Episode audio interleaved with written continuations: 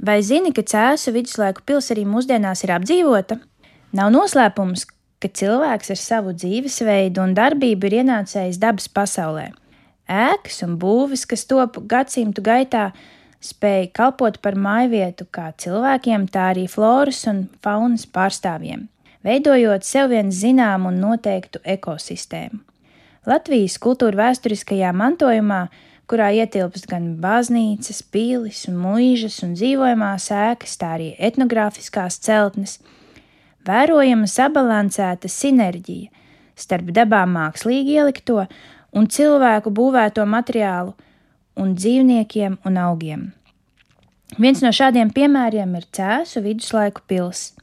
Tās pētnieks un saimnieks vēsturnieks Gundars Kalniņš sadarbībā ar Latvijas zinātniekiem ilgstoši ir pētījis un dokumentējis novērojumus.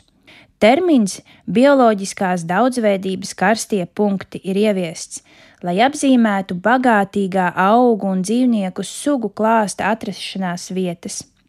Pilsdrupas un tajās esošos iemītniekus kā vienotu veselumu nereti sauc par drupu ekoloģiju. Cēsu viduslaiku pilsdrupās mitinās ļoti daudz dzīvnieku sugu, no kurām dažas ir reti sastopamas un īpaši aizsargājamas. Visbiežāk redzamie, skaļākie un pamanāmākie iemītnieki ir putni - svīras, zīlītes, melnie erickiņi, kovārņi un cielavas liksdo pils mūros. Tādēļ tos īpaši uzmana un ikgadējos pils mūru uzturēšanas darbus veic ar ļoti lielu pietāti pret līgstu vietām, tās neaiztiekot vai tieši otrādi salabojot, lai nākamajā gadā tur atkal varētu atgriezties to saimnieki. Putnu saimē jāizceļ svīras, kas atbilstoši Gundara Kalniņa veiktajiem pētījumiem Visticamāk, cēsu pilī likstojušas arī pašos pils pirmsākumos. Tātad vācu ordeņa bruņiniekus modinājuši tieši svīru saucieni. Pils zemākajos stāvos dzīvo nemazāk cēli un ievērojami faunas pārstāvi - sikspāri. Līdz šim reģistrētas sešas no astoņām Latvijā ziemojošajām sikspārņu sugām, kas novērtē tiem radītos dzīvošanas un vairošanos apstākļus. Tie labprāt izmanto ne tikai pils mūrus, praugas, bet arī apkārt esošo koku dobumus. Pils saimnieks, rūpējoties par sikspārņu saglabāšanu, izvietojis arī speciālas mājvietas, būrīšus, kur tiem patvērties pārlidojuma laikā. Arī šķietami tik romantiskie naktstauriņi siltajās vasaras naktīs izvēlas patvērties pils teritorijā. Šīs vasaras laikapstākļi bija īpaši atbilstoši naktstauriņu vērošanai.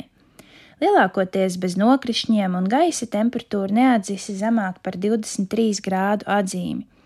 Entomologa Uģa Piterāna profesionālajā pavadībā šovasar bija iespēja iepazīt pilī sastopamās naktstauriņu sugas, kas šajā arhitektūras pieminekļī iepriekš novērotas ap 200 gadiem. Viens no viduslaiku pils konservācijas priekšnosacījumiem bija maksimāli izmantot videi un dabai draudzīgus un vēsturiskajam oriģinālam atbilstošus materiālus.